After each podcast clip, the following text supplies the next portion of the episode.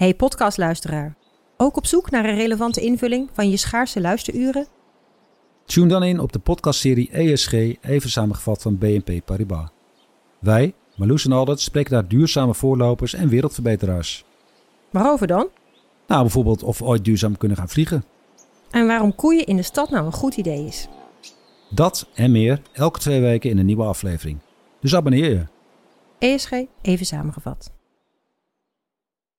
Ik ben al jaren ondernemer, maar waar moet ik eigenlijk allemaal aan denken nu ik voor het eerst personeel wil aannemen, voor het eerst ga importeren of voor het eerst een bedrijfslocatie zoek? Weet wat je wel of niet moet doen bij zaken die je voor het eerst oppakt. Check kvk.nl voor praktische stappenplannen. KVK, hou vast voor ondernemers.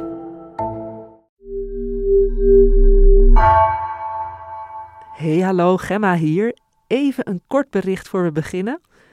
Klimaatverandering, dat raakt ons allemaal en er is veel over te vertellen.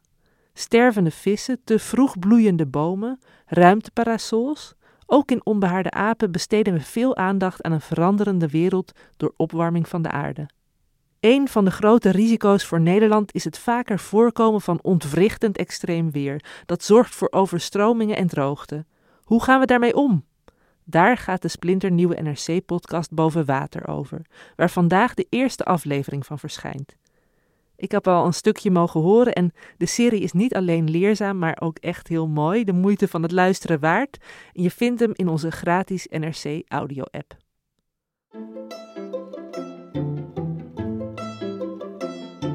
Welkom, wij zijn Onbehaarde Apen. Dit is een podcast van NRC over wetenschap.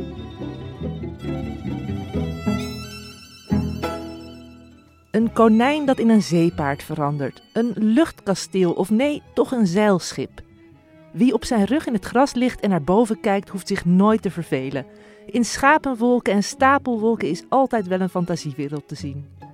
Wolken zijn vanzelfsprekend en tegelijkertijd ongrijpbaar en onbegrepen. Wat weten we wel en niet over wolken? En waarom is het zo belangrijk om te weten hoe ze zich gedragen?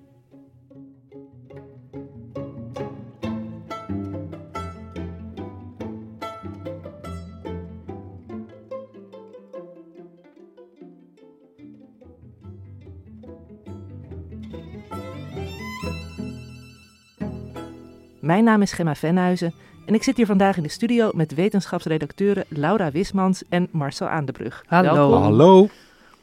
Houden jullie van wolken of van onbewolkt? Eh, nou, Nee. nu de laatste weken zoveel regent, hou ik best wel van wat minder wolken. Maar ze horen erbij, hè?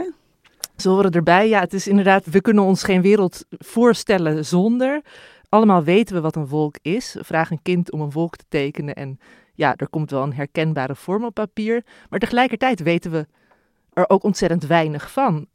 Als we even met, met, met, met de basis beginnen, van wa- waaruit bestaat een wolk? Hoe, hoe vormt een wolk zich? Ja, we hebben hier op aarde in onze atmosfeer een waterkringloop. En wolken zijn daar natuurlijk cruciaal in. Ehm, aan het oppervlak verdampt vocht. Eh, dat, die, die waterdamp die, eh, die stijgt op, hoger in de lucht wordt het kouder. Die damp condenseert, vormt druppeltjes en die druppeltjes eh, zijn samen een wolk. Het kunnen ook ijskristallen worden, hoe kouder het wo- wordt in de lucht. En op een gegeven moment ehm, ja, wordt, worden die druppels groter en zwaarder en, en, en regent het weer uit. Dat is heel in het kort ehm, de theorie over een wolk. Ja, en wolken eh, verschijnen en verdwijnen weer. Nou ja, wat je zegt, ze regenen ook vaak uit. Eh, op het weerbericht wordt er aandacht aan besteed. Hè. Soms zie je ook van die mooie foto's die eh, mensen dan hebben ingestuurd naar, naar het journaal. Zijn, zijn wolken een typisch weerfenomeen in die zin dat ze kortlevend zijn en kortdurend? Of spelen ze ook een rol in, op de langere termijn, dus, dus in het klimaat? Eh, allebei. Ja, want het, dagelijkse weer is natuurlijk erg afhankelijk eh, eh, van wolken. Dat wij eh, gisteren allemaal zo nat geregend zijn, heeft zeker te maken met wolken. En dat is echt weer, nu. Eh, maar eh, ja, wolken, ehm, de, de factoren die daarop van invloed zijn, zijn eh, straling, temperatuur, vocht aerosolen, dus deeltjes in de lucht. Wind. Wind, ja, en dat zijn, zijn echt ja, natuurlijk ook dingen die op, op veel langere termijn spelen. En ook die, die veranderen onder invloed van klimaat. En daarmee verandert ook weer het, het wolkenpatroon. Dus eh, het, is, het is op de korte termijn en de lange termijn. Ja, dus het is een samenspel tussen heel veel factoren, zeggen jullie al. Er zijn natuurlijk ook heel veel verschillende wolkenvormen, nog los van wat voor dier of wat voor vorm je erin ziet. Hoe, hoe ver gaat die geschiedenis eigenlijk terug, Marcel? Van het, het naar de wolken kijken en het, eh, het, het interpreteren van de wolkentaal. Dan kijk ik even in het weerboekje wat ik hier heb meegenomen. En daar staat in het begin: de klassificatie van wolken werd in 1802 geïntroduceerd door Luke Howard. En, uh, een Brit, vermoed ik. Een Brit, een apotheker, uh, die later scheikundige werd. En die heeft een indeling gemaakt Um, indelen was toen erg in zwang. Linnaeus met zijn indeling van planten en dieren, daar wordt ook vaak naar verwezen. Um, en die Howard heeft dus ook een indeling gemaakt voor wolken. Um, die ging ook op zijn rug liggen en een, een, potlood en papier erbij? Of? Misschien wel, daar weet ik niet hoe hij dat gedaan heeft. Maar... Nee, en, en tot wat voor indeling kwam die? Um, hij heeft een hoofdindeling van geslachten, daar zijn er tien van. En vervolgens heb je binnen die geslachten weer um, uh, variaties, zo worden ze ook genoemd. Ja, dus dan, dat zou je eigenlijk, net zoals je bij dierengeslachten hebt en dan ook verschillende soorten, heb je dat ook bij wolken ja, dan je weer. hebt inderdaad geslachten en dan als verfijning binnen de geslachten soorten en variaties. En die overeenkomst uh, met planten en dieren die wordt vaak genoemd. Er is alleen één belangrijk verschil. Een paard blijft altijd een paard. Er wordt geen koe. Maar een, uh, maar een stratus kan wel een uh, altostratus worden. Of een, uh, een cirrus kan een... even kijken hoe... Nou ja, ze kunnen in elkaar om, overgaan. En, en, en was die indeling dan alleen maar op vorm gebaseerd? Want dat lijkt me, hè, als jij op de grond je bevindt en je bestudeert de wolken, dat lijkt me het, het allerduidelijkste waarop je ze kunt onderscheiden. Vorm inderdaad voorkomen, maar um, ook um, de structuur, de doorzichtigheid. Ja.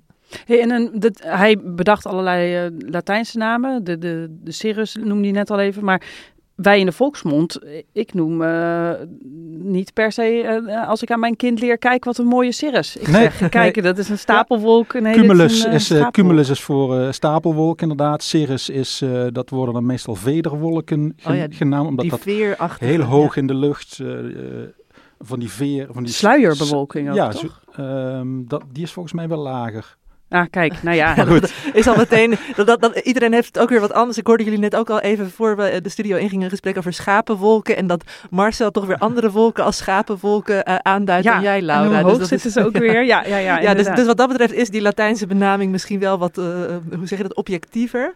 Want jij hebt het net al even over de verschillende hoogtes van wolken, Marcel. Ik denk dat die Howard dat twee eeuwen geleden nog heel moeilijk kon inschatten vanaf de grond. Ja, dan weet ik niet precies hoe hij dat gedaan heeft. Ik heb het net nog even snel proberen op te zoeken. Wat ik, zo, wat ik tegenkom is dat het met het blote oog wel moeilijk is om in te schatten hoe hoog een wolk uh, precies uh, is.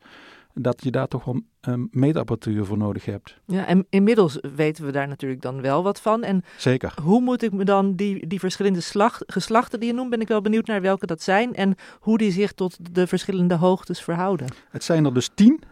De hoge wolken, boven de 6 kilometer, uh, dat is dus Cirrus, Cirrostratus en Cirrocumulus. En dan heb je middelbare wolken tussen 2 en 6 kilometer. Uh, Altocumulus, Altostratus en Nimbostratus.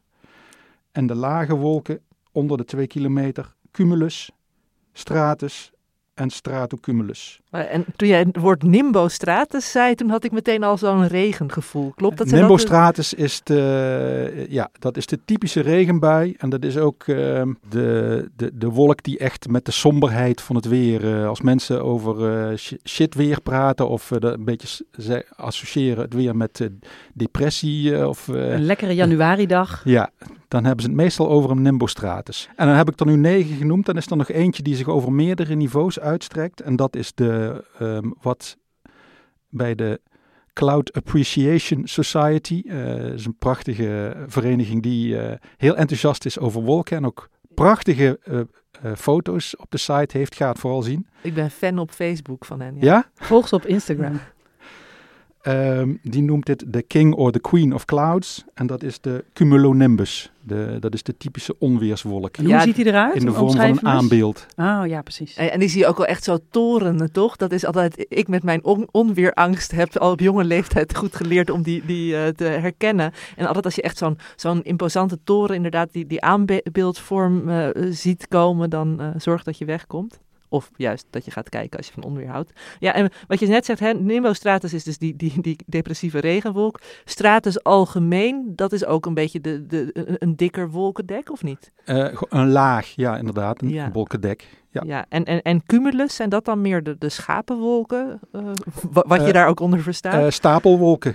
Dus ehm, maar, maar wat meer de... de, toefjes, de, watten, de wattenachtige toefjes eigenlijk. ja, zoals ik een wolk zou tekenen, ik, ik kan het nu, ja, dat zien, zien ze thuis natuurlijk niet, maar dan Ja, teken ik het zoals precies. een schapenvacht met allemaal verschillende Ja, dat lobben. En dat, dat is voor mij dan... zo'n, precies, dat is eh, dan een typische cumulus. ja, En ehm, Ja, daar en- zegt op de site van de Cloud Appreciation Society, eh, daar schrijven ze... If you've never spotted a cumulus cloud, then you need to get out more. ja, dat, of naar boven kijken, want dat is dus ook wel Of naar interessant. boven kijken. Liggen jullie nog wel eens eh, eh, op je rug in het gras naar boven te kijken? Nou, steeds minder. Toen we deze podcast aan het voorbereiden waren, dacht ik, joh, wanneer keek ik nou veel naar de lucht? Nou, toen ik vroeger veel in een zeilbootje zat en toen ik als, als jonge student ehm, uit het raam keek, want toen de smartphone er nog niet was. Die smartphone, dat is niet eh, per se... Ja, je kunt wel heel mooi het Instagram-account van de eh, Cloud Appreciation Society volgen. Maar voor het kijken naar de wolken heeft dat toch veel, eh, veel slechts gedaan, vrees Ja, ik. jij bent niet zoals ik, dat je af en toe snapshots van de lucht maakt als je een mooie wolk ziet? Of? Ja, als ik, als ik aan het wandelen ben, dan kan ik me echt wel verbazen over de schoonheid van, eh, van de wolkenlucht, ja. Nou, het is januari. Ik neem dit mee als goed voornemen. Ja, meer naar boven Ver- kijken. En verbazing, eh, ik bedoel, ook weer de Cloud Appreciation Society zegt ook nog over die cumuluswolken. Eh, the little ones are scary only when they take the form of David Hasselhoff. Oh, ja, dat, eh, de, de, de Baywatch-ster, ja, dat, eh, Ja. die heb ik ook al lang niet meer gezien, moet ik zeggen. Hey, maar, Hey, eh, ik wil nog een, een- nog een leuk feitje. Want wat, wat bij wolken, eh, soms zie je een wolk en denk je, hé, hey, die heeft zo'n scherp afgebakende rand. Ehm, dan bestaat die voornamelijk uit water. Terwijl als je niet zo goed ziet wanneer, ja. waar een wolk begint of eindigt, dan eh, zit er heel veel ijs in de wolk. en als er veel ijs in een wolk zit, betekent dat dat ook automatisch het wordt, gaat hagelen? Of dat hoeft niet? Nee, helemaal niet. Heel veel bewolking eh, blijft hangen of verdwijnt op een andere manier. Of het, het smelt en dan gaat het alsnog regenen. Dus nee, veruit de meeste wolken bestaan voor een heel groot deel uit ijs. In mijn hoofd zou ik gevoelsmatig denken van, oh, eh, ijs heeft scherpere randen, dus ijswolken hebben ook scherpere randen. Maar het is juist Nee, het andersom. zit hem in het reflectieve vermogen. Hm. Eh, dus ijskristallen zijn vele malen groter dan de, eh, de, de, de druppeltjes die wolken vormen. Ook het is één regendruppel, denk je dat dat dan in de lucht hangt. Maar nee, het is echt vele, vele, vele ma- malen kleiner zijn de, de, de condensdruppeltjes die in een waterwolk zitten. Eh, en, en die reflecteren meer. En doordat die zo scherp reflecteert, dan krijg je zo'n scherpe rand. Ah ja. Oh, dat, dat, dat, dat doet me al op een andere manier omhoog kijken. En, en is er ook al een soort app waarmee je wolken kunt herkennen? Waarbij ze bijvoorbeeld zeggen, dit is een ijswolk of een, een waterwolk... of dit is een cumulus of een stratus. Nou, een of- app weet ik niet, maar op de site van de Cloud Atlas is een enorme eh, bibliotheek aan wolkenfoto's die zijn ingestuurd. En eh, daar zit ook een, een herkenningsdingetje overheen. Je kunt ook verschillende eh, foto's met elkaar vergelijken en zo daar. Dus, eh, dus ja, dat, je kan wel een Echt? beetje zo'n herkenningsding doen. Ja, Op Identify. eh, dat van- lijkt, ja. Oké, Ja, want dat is mooi. inderdaad wel weer grappig... dat gewoon eh, verschillende wolken van dezelfde soort... kunnen toch nog wel uiteenlopende vormen aannemen... terwijl verschillende, verschillende eh, eh, individuen van dezelfde hertensoort... die lijken dan misschien wat meer op elkaar. Goed, dat is mijn biologische interpretatie weer. Als jullie het zo omschrijven, denk ik... nou, dat is nog best wel behapbaar... zeker met zo'n wolkenherkenningssite erbij... Maar tegelijkertijd weten we dus ook nog een hele hoop niet over wolken. Terwijl jullie net al wel kort aanstipten, wolken zijn juist ook met het oog op klimaatverandering ook heel belangrijk om beter te begrijpen. Kunnen jullie daar nog wat meer over vertellen? Ja, ja, nou ja, om, ik noemde net al eventjes een aantal factoren die van invloed zijn op, eh, op wolken. Maar neem eh, eh, straling, dat is de straling van de zon die, die de aarde bereikt. Dat is nogal belangrijk voor ja, de, warmte op aarde. Ehm, zo'n regenwolk die goed reflecteert, uh, die reflecteert dus meer zonlicht dan uh, zo, zo'n ijswolk. Het maakt dus uit hoeveel regen en hoeveel ijswolken er zijn. Um, neem temperatuur. Um, als de aarde opwarmt, uh, we hadden net heel, heel kort even over die, die waterkringloop. als het warmer is, dan verdampt er meer water. Uh, vanaf, het, vanaf het oppervlak. Dus uh, het maakt uit hoeveel uh, water daar, daar kan verdampen en in een wolk terecht kan komen. En hoe snel ook. Um, er zijn heel veel variabelen die um, ja, ook op die lange termijn dus aan het veranderen zijn. en daar hebben wolken heel veel, veel invloed op. En daar proberen klimaatwetenschappers nu op het moment meer grip op te krijgen. Ja, ja, nou ja, natuurlijk al, al decennia lang. Uh, maar... Ja, nee, maar ik herinner mezelf bijvoorbeeld, ik heb gewoon uh, meer dan tien jaar geleden ook wel eens een stuk geschreven over wolken- en klimaatmodellen. En wat ik me ervan herinner is dat dat echt de grootste onzekerheid uh, nog in die modellen was. Ja, ja ik, ik heb um, um, gesproken heel uitgebreid met, met vier wetenschappers van de atmosfeer- en klimaatgroep van de TU Delft.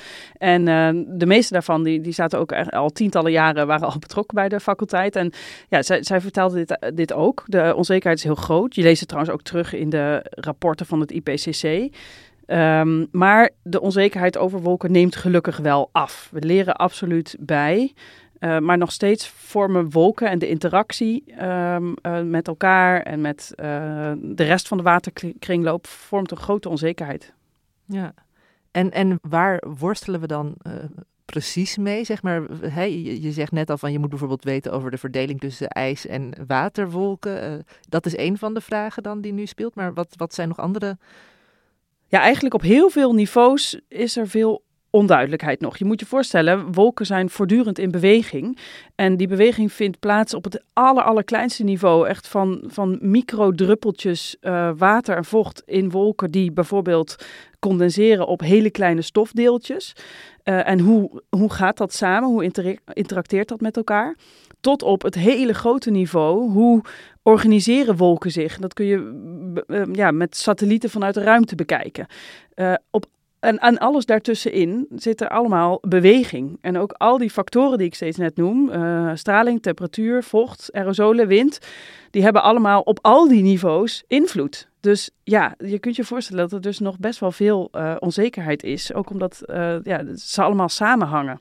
En als we dan naar dat microniveau kijken, is er dan een voorbeeld van te geven van op, op waarin kun je dat dan zien, die moeilijkheid? Nou, bijvoorbeeld in uh, hoe extreme buien zich uh, gedragen en hoeveel regen daaruit naar beneden komt. Kijk, de standaardregel is bij iedere graad opwarming uh, kan de lucht 7% meer waterdamp bevatten. maar als je kijkt naar die kortdurende, hele heftige regenbuien, die komen veel hoger uit. Die regenen dan bijvoorbeeld bij 1 graad opwarming 14% meer water uit ja, dus ze volgen helemaal niet de logica uh, zou van je, Zou je denken, maar dan uh, is het idee... Uh, in deze korte tijd wijkt het enigszins af van de theorie, maar op grotere schaal klopt die 7% nog wel. Maar voor, voor die kortdurende hevige bui is het eventjes meer. Maar als je dan weer op grotere schaal kijkt, dan vervolgens is het de theorie nu dat het dan wel weer langer duurt voordat een wolk zich weer heeft opgeladen. Oh, dat, dat, hij voor, dat hij weer kan gaan regenen. Ja, dat is het scha schaalniveau is daar heel belangrijk bij. Goed, maar daar heb je als argeloze fietser of wandelaar, heb je daar dan heb je helemaal niks niet zoveel aan. aan. Maar het is, het is wel interessant om te, zorgen, om te zien dat ook daar weer, wat, wat Laura net zei. Maar dit is zo'n gedrag dus inderdaad wat onder, onder invloed van opwarming verandert. En Laura, ik hoorde jou net ook iets zeggen over de interactie met deeltjes waarop de druppels dan condenseren. Dat, als ik me goed herinner, is dat bij wolken altijd uh, om een wolk te vormen zijn er altijd minuscule deeltjes nodig, toch? Waarop de druppels kunnen condenseren. Condensatiekernen, ja. Condensatiekernen. Ja, een van de redenen waarom best wel lang niet heel goed zichtbaar was dat klimaatopwarming uh, uh, aan de hand was, is omdat er best wel veel uitstoot van aerosolen um, was, dus uit uitlaatgassen en zo bijvoorbeeld. Dat maskeerde best wel uh, de opwarming, omdat ehm, daardoor meer wolkenvorming was en er uh, meer straling, of minder straling het oppervlak, uh, het aardoppervlak bereikte bijvoorbeeld. Vervolgens werd de lucht schoner uh, en toen bleek dat er ehm, dat er veel meer straling het luchtoppervlak of het, het, het landoppervlak bereikt. Dan wil ik hier absoluut niet pleiten voor meer luchtvervuiling. Nee, maar wat uh, bijvoorbeeld maakt dat nu bijvoorbeeld heel interessant wat er in, in India de komende, het komende decennium bijvoorbeeld gaat gebeuren. Waar nog vrij veel luchtvervuiling is. En waar het, um, als dat daar ook schoner wordt, ja, dan zijn mensen wel heel erg benieuwd wat voor een invloed dat gaat hebben op hoe, hoe, warm het gaat zijn op aarde. En nou ja, denk ook aan in India is, de probleem, uh, is het probleem met droogte uh, al best wel groot. Ja, en als je dan de reflectieve kracht van wolken ook nog zou verliezen, dan... Ja. Ja, maar een ander mooi uh, aerosolenvoorbeeld uh, zijn bijvoorbeeld ook um, is zichtbaar bij schepen die over de oceanen varen. Boven oceanen hangt veel van die stratocumulusbewolking. En als daar dan een schip onderdoor vaart, die dus ook um, ja, kleine deeltjes uitstoot in de uitlaatgassen, dan zie je daar lichte strepen in de bewolking ontstaan. Dat verdwijnt op een gegeven moment ook weer, omdat je dan, omdat het schip weer verder vaart natuurlijk. En dan wordt de, de stratocumulus weer, weer heel gewoon. En, maar, maar, ze begrijpen niet precies wat daar, uh, wat daar gebeurt. Ja, je denkt meer deeltjes in de atmosfeer. Dus de druppeltjes worden kleiner, want ze hebben meer condensatiekernen om zich rond te vormen. En dus ligt, ligt de wolk een beetje op. Um, uh, maar uh, hoe precies die interactie werkt en hoe lang zoiets blijft bestaan en al dat soort vragen, die zijn nog niet goed. Uh, maar daar wil ik nog wel even op inspringen, want Um, ik heb uh, een van de mensen die jij hebt gesproken, Pia Siebesma, die heb ik een paar jaar geleden ook gesproken over namelijk dat er tijdens de coronatijd opeens leek dat er veel meer zonnestraling, uh, oh ja. de lucht blauwer was ja. en dat er meer uh, zonnestraling in het aardoppervlak bereikte. Um, en um, wat ik toen van die aerosolen heb geleerd is dat die ook uh, allerlei verschillende componenten hebben, die uitlaatgassen, die dan vervolgens uh, in de lucht komen en condensatiekern kunnen, kunnen worden. Je hebt bijvoorbeeld sulfaatdeeltjes, dat zijn degenen die het zonlicht reflecteren, maar je hebt ook roetdeeltjes. Ja, die zijn zwart. En die zijn zwart en die absorberen uh, het, het zonlicht. Dus ja. um, als je heel veel roet hebt, dan wordt de wolk als het ware, die warmt op en die smelt gewoon weg. Ja. Dus de, wat jij zegt van die boot, ik moest daar even aan denken. Ja, ja, dat je dan van die, streep, die, die lichte strepen in de wolk krijgt. Misschien is het dat wel. Want wat ik zit nu ook te denken, als je een grijze gletsjer hebt, die smelt ook snel weg, dan, sneller weg en dan een witte gletsjer. En dat is dan hetzelfde effect. Hetzelfde licht effect. absorberen, licht reflecteren. En, het is gewoon een mooi voorbeeld van hoe je ziet hoe ingewikkeld de relatie tussen aerosolen en wolken. En dan hebben we het, dit gaat echt op het allerkleinste niveau dit, dit, uh, binnen die wolk. Die, echt die microfysica ja. is dit. Ja, want die strepen die jij omschrijft van die schepen, dat zijn dus echt strepen binnen de wolk. Niet zoals vliegtuigstrepen die je afzonderlijk lo los in de lucht ziet. Maar... Nee, maar dat is natuurlijk wel hetzelfde effect. Ja. Uh, uh, want ja, je ziet zeg maar wat er gebeurt in die wolk als er zo'n schip onderdoor vaart, is dat er meer condensatiekernen zijn en de dezelfde hoeveelheid water, die verdeelt zich over meer druppeltjes. Waardoor, dat hebben we helemaal aan het begin al gezegd, waardoor, uh, waardoor die reflectiever wordt. En daardoor komt er zo'n lichte streep in die bewolking. Ja, oh, ik ga ook. Nou, daar hebben ze vast op de Cloud Atlas ook wel foto's van, want ik ben nou wel benieuwd bij hoe NASA. het eruit ziet. Je kunt oh, het dus NASA. observeren vanuit, uh, vanuit de ruimte. Dus uh, vanuit Na NASA heeft daar hele mooie nou ja, de, de, voorbeelden van. Nogmaals, uh, oh ja, de, de World Meteorological Organization die um, komt ook af en toe met nieuwe wolken. Uh, want we hebben dus ook een, een nieuwe wolk uh, te danken aan uh, de mens. Dus geen nieuwe geslachten, maar echt nieuwe variaties. Waar nieuwe variaties. ik noemde Cirrus homogenitus. Um, dat was in augustus 2021 de Cloud of the Month bij de World Meteorological Organization. En dat is een, een wolk die achter een vliegtuig ontstaat. Dus in die condensatie trail, zou ik maar zeggen. Ja, dus dat uh, zijn zelf dan niet de wolken, maar daarin ontstaat dan ja, echt een dus wolk. je hebt van die uitlaatgassen van het vliegtuig, uh, daar condensatiekernen en dan krijg je een effect. Ja, je moet het, je moet het plaatje zien, het is echt wonderbaarlijk mooi om te zien. Een soort van regenboog-effect, uh, maar dan ook nog gevederd. nou, heel, heel mooi. We leren dus nieuwe wolkenvariaties kennen, maar leren we ook echt bij over wolken? Wat, wat zijn nieuwe inzichten bijvoorbeeld nog? Nou, niet helemaal nieuw, maar, maar natuurlijk met het, met het beter worden van, van de technologie om wolken te observeren en om modellen te maken, leren we heel veel bij. Uh, bijvoorbeeld dat voorbeeld wat Marcel net noemt van die uh, procentuele toename van uh, extreme buien. Dat, dat meten we natuurlijk gewoon en dat, daar worden we beter in heel mooi voorbeeld wat uh, Herman Russenberg, de hoofd van de, van de atmosfeergroep in Delft, uh, noemde. Hij doet al zijn hele carrière uh, onderzoek en, met observaties. Dus hij kijkt echt. En um, uh, een van de verrassende inzichten die hij in de afgelopen twintig jaar opdeed, bijvoorbeeld, was uh, dat er op een gegeven moment kwamen er nieuwe, betere wolkenradars. Met een wolkenradar kijk je eigenlijk in de wolk. Dus nou, nu kijken wij vanaf de grond, als ik omhoog kijk, kijk je tegen de buitenkant van de wolk aan. Maar hij wil natuurlijk weten uh, wat er in die wolk gebeurt, om echt die microfysica onder de knie te krijgen. En hij zei, ja, eerder dacht ik, dacht ik altijd dat gewoon zo'n wolk, zo'n fluffy geval, wat je vanaf de grond ziet, dat dat de, de, de ijs- en waterdeeltjes een beetje door elkaar heen zaten. Maar op een gegeven moment de, uh, werden de radars beter en zagen we dat ze een soort laagjes vormden in de wolk. Dus dat een ijslaag uh, en een waterlaag werd afgewisseld. En soms zaten er zelfs meerdere waterlagen in een wolk. En helemaal opvallend, zei hij, is dat dat ook bijvoorbeeld boven het Arktisch gebied gezien is. Waar het dus steen en steen koud is. Zit er alsnog een soort sandwich eigenlijk van water en Ik kreeg meteen het gevoel van een Engels dropje ja, voor me. Maar... Ja, ik zie allemaal etenswaren nu. maar inderdaad, maar dus zelfs als het heel koud is, blijft zo'n waterlaag bestaan. Maar waarom dan, zei hij. Nou ja, dat zijn, zijn echt van die vragen die, uh, die je eerder niet eens kon adresseren. Um, nee. Maar nou ja, als je betere vragen kan stellen, kan je ook betere antwoorden Ja. vinden. Dus, dus het observeren gaat steeds beter. Ja, betere technologie dus ook. Ja. Betere computers misschien ook. Ja, zeker. Dat, dat is die andere kant. Want zeker voor klimaat ook zijn, zijn modellen en ook wolkenmodellen van enorm belang. Daarmee worden, uh, ja, reken je eigenlijk uh, situaties in de atmosfeer door. Um, heel veel van die modellen die rekenen op, uh, op bijvoorbeeld een raster van 100 kilometer. Dus uh, over de hele aarde uh, heb je een, een, horizontale verdeling van, van 100 kilometer. Allemaal dat is hokjes. Ja. Hokjes, ja, sorry. Ja, hokjes van 100 kilometer. Dat is vrij normale resolutie nu. Um, maar dus de allerbeste computers nu, die kunnen ook op 1 kilometer rekenen.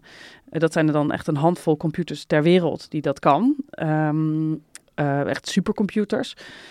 En dan nog de beste. Maar over een jaar of vijf is dat alweer veel normaler. Er zijn nog steeds supercomputers die dat kunnen doen, maar, maar misschien wel een stuk meer. En uh, de beste supercomputers kunnen dan weer nog een kleine raster misschien wel doen. En dat is voor de wolken juist gunstig natuurlijk, omdat die op kleine rasterschaal... Ja, of ik vind dat Ja. ook moeilijk in te schatten vanaf de grond trouwens, hoe breed een wolk is. Maar dan, Ja, een van de andere onderzoekers, uh, uh, Stefan de Rode, die zei ook van vergeet de verticale resolutie niet. Want daar rekenen ze nu dan uh, met, met 100 tot 300 meter in de, in de onderste kilometer van de atmosfeer. Nou, hij doet onderzoek aan die laaghangende bewolking. En hij zei, ja, die, die 100 meter, dat klinkt heel fijnmazig, maar de processen in die laaghangende bewolking, die spelen zich af op 10 meter. mm, Ja, dat is natuurlijk hartstikke moeilijk om dan zo'n proces te vangen in een, in een model.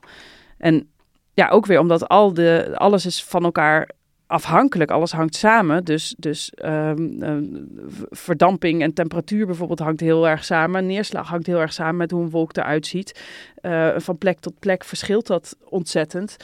Een van de, um, de grappen die, die daar aan tafel werd gemaakt was... Het, het lijkt soms wel een doorfluisterspelletje. Wat je kent van de van de basisschool, waarbij aan de ene kant van de rij een zin erin wordt, ge, ge, ja, de rij in wordt gestuurd ja, en aan het einde jou, van ja. de rij komt er iets heel anders uit. Dat is ook wat er bij die modellen gebeurt. Omdat, uh... en, en bij wie het dan precies is misgegaan, weet je ook niet. Of bij iedereen een klein beetje. Ja, ja precies. Ja, ja maar dat, dat, dat, dat is dus ook wel hè, wat je zegt van we hebben dan steeds meer rekenkracht met die supercomputers, maar tegelijkertijd gaat er zo'n massa aan informatie in. En, en, en, en het is ook een beetje op goed geluk, heb ik het idee van... oh, we moeten die parameter en die en die en die moeten we er allemaal ingooien. Maar ja, goed geluk nou, doet goed de geluk, denk ik nee, geen nee, eer aan. nee. Oh, oh, Nee, we zijn- die Delftse zijn- wetenschappers, zo bedoelde ik het niet. Ja. Nee, we zijn echt wel flink opgeschoten hoor. Als je kijkt naar het uh, IPCC-rapport van 2013 en het laatste IPCC-rapport uh, van 2021, dan uh, zijn we echt wel vooruit gegaan. Kijk, je wil natuurlijk graag weten wat het klimaat uh, gaat doen. hoe, de, hoe, hoe ver de opwarming doorgaat. Als wij broeikasgassen in de atmosfeer blijven brengen, wat, uh, wat gebeurt er dan met de opwarming? Hoe, hoe erg wordt die? Ja, en, en wat betekent het voor de neerslag en zo? De ja. echte effecten, die ja. extreme buien waar we het net over hadden. Dat gaat niet per se over, over de argeloze fietser, maar meer over overstromingen. Mm. Precies, modderstromen, ja. uh, landverschuivingen, noem maar op. Um, dus je wil dat wel heel graag uh, preciezer weten. En, en daar zijn we ook in opgeschoten. Kijk, een van de grote vragen was natuurlijk: wat gebeurt er uh, met de wolken als het opwarmt? Nou, uh, inmiddels is wel duidelijk dat, ehm, dat er een, zo, heet, zo wordt het, een positieve feedback is, een positieve terugkoppeling. Dat wil zeggen dat de wolken op zo'n manier veranderen dat ze de opwarming nog eens verder versterken. Mm. want wat gebeurt er? Onder andere, wat zien ze, wat hebben ze gezien de afgelopen twintig jaar? Um, de hoge wolken die worden bijvoorbeeld hoger. Dat wil zeggen, uh, als ze hoger worden, uh, dan komen ze aan de bovenkant in uh, kouder gebied terecht. Daardoor stralen ze minder warmte uit naar de ruimte. Blijft er dus meer warmte gevangen. Dus dat houdt warmte vast. Ja, dus alle reflectie ten spijt uh, hebben ze netto toch een opwarmend effect dan? Uh, dat is een, een extra opwarmend effect. Um, in, de, in de subtropische oceanen, daar uh, vermindert de bewolking. dat is de laaghangende bewolking, dat is de, toch? Ja, ook, dan moeten we eerst nog vertellen, er is een verschil tussen laaghangende en en de hoge bewolking. Namelijk, ja. het is misschien een beetje tegenintuïtief, maar de lage bewolking die reflecteert vooral het zonlicht. Dat zijn dus uh, ook meer waterwolken? Ja. Dat, zijn, dat zijn die stratuswolken uit die 0 tot 2 kilometer ja. die in het begin... Die mooie zeepaardjes waar je naar keek. en de hoge wolken, uh, dat worden dan ook wel broeikaswolken genoemd, die houden de warmtestraling die vanaf de aarde uh, naar boven komt, die houden ze vast en, en, sturen ze ook weer deels terug naar de aarde. Dus die houden de uh, de warmte vast. Ja, en, en dat zijn dus die cirruswolken, die windveren waar we het in ja, het begin over precies. hadden. Ja, nou, en die, wat ik net zei, die hoge wolken, die worden dus hoger, waardoor ze minder warmte naar de ruimte gaan uitstralen, waardoor ze extra warmte vasthouden. Dus dat versterkt de opwarming. In de subtropen boven de oceanen hebben ze gezien dat de lage bewolking uh, vermindert. Dus dan heb je uh, minder, de, de, de reflectie van het zonlicht vermindert. Ja, dat zijn die echte waterwolken, die mooie zeepaardjes waar je maar naar kan kijken. dus dat is ook een extra versterking van de opwarming. En dan heb je ook nog een, een, een uh, tegenwerkend effect, namelijk uh, bij de, uh, met name bij in het Noordpoolgebied volgens mij, in ieder geval op hogere breedtegraden, zien ze dat er meer waterwolken komen in plaats van ijswolken. Maar dat is niet per se slecht. En dat is, nou ja, dat remt de opwarming. Maar alles ja. bij elkaar genomen. Ja, precies. Is ja. het dus netto. Toch een opwarmend effect. Door de opwarming veranderen de wolken zo dat ze de opwarming nog eens extra versterken. Nou, en... Ja, en de vraag kan je misschien dan bedenken: hoe zeker weten we dit dan? Als we net hebben gezegd dat zoveel dingen nog onduidelijk en onzeker zijn. Ja. Daarover zeggen ze: die onzekerheid is gehalveerd in ja. de laatste uh, tien jaar, zeg. Dus uh, ja, precies. dat is op zich uh, dus het signaal dat, dat dit inderdaad gaande is, dat wordt duidelijker en sterker. En dat ja. zie je ook terug in cijfers, want uh, een belangrijke graadmeter is wat ze noemen de Climate Equilibrium Sensibility. En dan rekenen ze uit als de broeikasgasconcentratie in de atmosfeer zou verdubbelen ten opzichte van wat die pre-industrieel was. Ja. Um, hoeveel zou het dan opwarmen? En dat was voorheen een vrij grote range van anderhalf tot, weet ik wat, vijf graden die of zo. Onzekerheid die onzekerheid. Je, ja. En die range is nu, uh, uh, nog, bedoel, is nog steeds onzekerheid, maar die is nu kleiner. Die ligt nu tussen de 2 en 4,5 geloof ik. Ja. Uh, met, een, met, met de centrale verwachting van een opwarming van 3 graden. Ja. En dat bereiken we um, volgens de huidige uitstoot um, ergens binnen de 50, 60 jaar. Nou, en dat brengt me bij een volgende vraag. Want hè, we, we, begrijpen de wolken dus steeds beter. Of ik, we, in ieder geval de mensen in Delft begrijpen de wolken steeds beter. Um, hè, en en de, de invloed en de interactie met het klimaat. Maar is er dan niet ook een manier om die wolken op de een of andere manier te modificeren? Ik herinner me iets van Olympische Spelen in China, waar ze wolken met behulp van zilverjodide plaatselijk lieten uitregenen, zodat de, de zodat spelen... Maar, ja, zodat het maar niet regende ja, boven dus het stadion. Is er dan niet op die manier ook nog een beetje... Uh, hè, we, we, kunnen, hoorden we net van Marcel, zelfs nieuwe wolken maken, bedoeld of onbedoeld. Uh, wordt daar al mee geëxperimenteerd? Ja, zeker. Of eigenlijk al sinds uh, zo'n ander beroemd voorbeeld van uh, weermodificatie, zoals dit dan genoemd wordt, is ook de, in de Vietnamoorlog probeerden de Amerikanen de moesson op bepaalde plekken langer te laten duren, zodat wegen langer onbegaanbaar bleven. Dus die, die wilden dat het meer ging regenen op, op bepaalde plekken. Hoe, hoe deden ze dat, weet je dat? Uh, ja, ook weer op deze manier regenwolken maken, deeltjes uh, ja. in de lucht spuiten. En eigenlijk is dat ook weer wat je ziet gebeuren bij die, bij die schepen die onder, de, uh, onder een wolkendek doorvaren. Hè? Dat, uh, daarmee worden de wolken, uh, ja, die, die strepen, dat zijn reflecterende strepen. Dus ja, de gedachte is zeker opgekomen. Um, kunnen we niet zorgen dat we meer reflecterende wolken kunnen maken? En um, dat, is zelfs die techniek die heet Marine Cloud Brightening. En uh, daar wordt zeker onderzoek naar gedaan. Sterker nog, in Delft hebben ze eind vorig jaar um, um, een samenwerking met Cambridge uh, gestart. Om, om echt met het doel ook om te kijken wat eventueel marine cloud brightening uh, voor het klimaat zou kunnen betekenen. en daarbij gaan ze dan dus, Cambridge die gaat kijken van hey, zouden we misschien, welke techniek is er allemaal nodig om, nou ja, zoals het dan werkt, uh, je spuit uh, zoutdeeltjes uit het zeewater omhoog. Dat zijn dan condensatiekernen waar rondom uh, die druppeltjes zich kunnen vormen. Dus wat er in die uitlaatgassen van die schepen met nou, vieze uitlaatgassen gebeurt, kun je ook met, met zoutdeeltjes bijvoorbeeld doen, die al uit de oceaan komen. Um, en kun je op die manier, door meer kleine druppeltjes, door gedwongen meer kleine druppeltjes te laten vormen, kun je op die manier de wolken witter maken, waardoor ze meer reflecteren. Um, je zou denken dus van wel, want je hebt het al gezien bij die, uh, bij die scheepsuitlaten. Maar wat onderzoekers die aerosolen en wolken onderzoeken toch wel verrassend vonden, uh, is dat als je zoiets uh, kortdurend doet bij schepen, heb je dat effect, is dat heel zichtbaar. Maar als je het langdurig doet, dan heeft het misschien wel een ander effect. Het kan namelijk ook zo worden dat de wolk dunner wordt. En dan heb je een averechts effect. Ja, dan, dan, dan heb je een beetje wat je zegt, dat dat netto uh, negatieve effect waar Marcel het net over heeft, dat wordt dan nog erger. Ja, maar dat moet je dus wel weten. Ja. Voordat je hier eventueel aan, uh, ja, als laatste strohalm zou kunnen okay. aangrijpen, moet je wel ja. echt weten wat dit ja, eventueel voor kans heeft. Dus ja. in modeluitkomsten waar, waar ze dit helemaal doorrekenen, in het, in het in de allerbeste geval uh, kun je de hele opwarming teniet doen door heel actief hiermee aan de slag te gaan. maar in het slechtste dan... geval vererger je ja. de boel alleen en, maar. En, en doen ze... Okay. Want, want ik, ik weet dat bij Great Barrier Reef hebben ze dat ook als een van de opties. Want Great Barrier Reef heeft veel last van... Uh, van de opwarming van het water en ook de verzuring. Ja, bij Australië. Dus die, uh, dat is er slecht aan toe, het RIF. En ze zijn allerlei dingen aan het uitproberen om het RIF te, te beschermen. Uh, ook, ook inderdaad met die marine cloud brightening. dat was Zodat een van de minder, minder straling het, het wateroppervlak bereikt. Ja. ja. Mm. ja maar goed, als het averechts werkt, dan is het...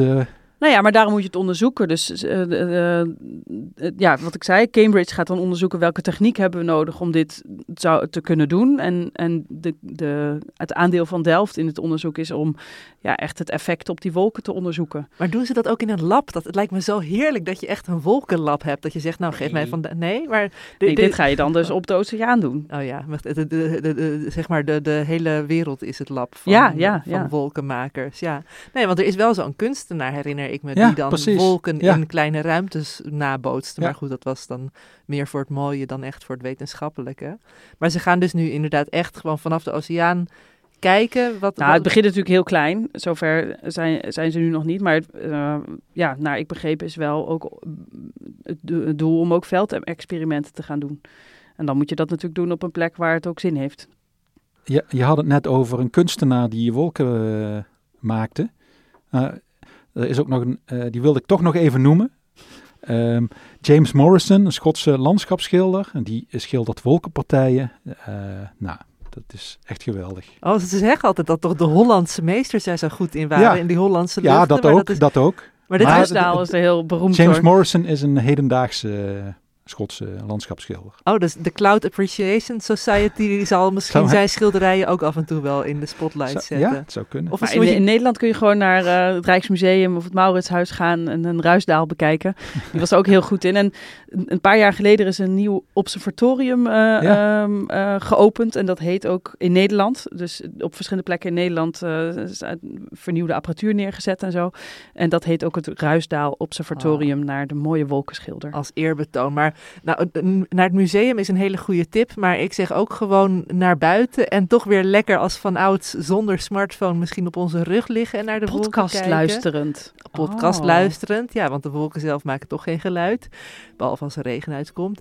Nee, maar eh, dank jullie wel, Laura Wismans en Marcel Aandebrug, voor deze prachtige aflevering. Ik ga in ieder geval naar dezelfde wolken weer met heel andere ogen kijken. En ik zie er nu misschien dan geen zeepaarden of zeilschepen meer in, maar wel hele fascinerende en belangrijke verschijningen.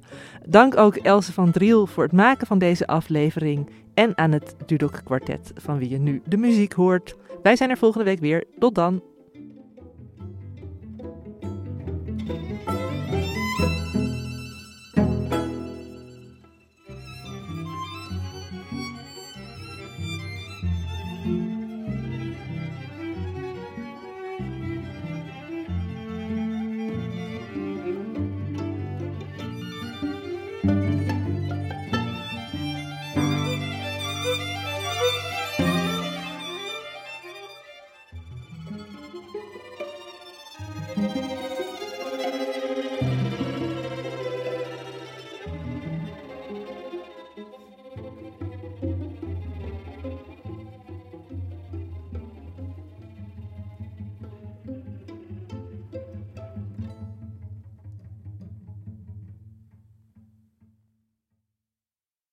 Technologie lijkt tegenwoordig het antwoord op iedere uitdaging.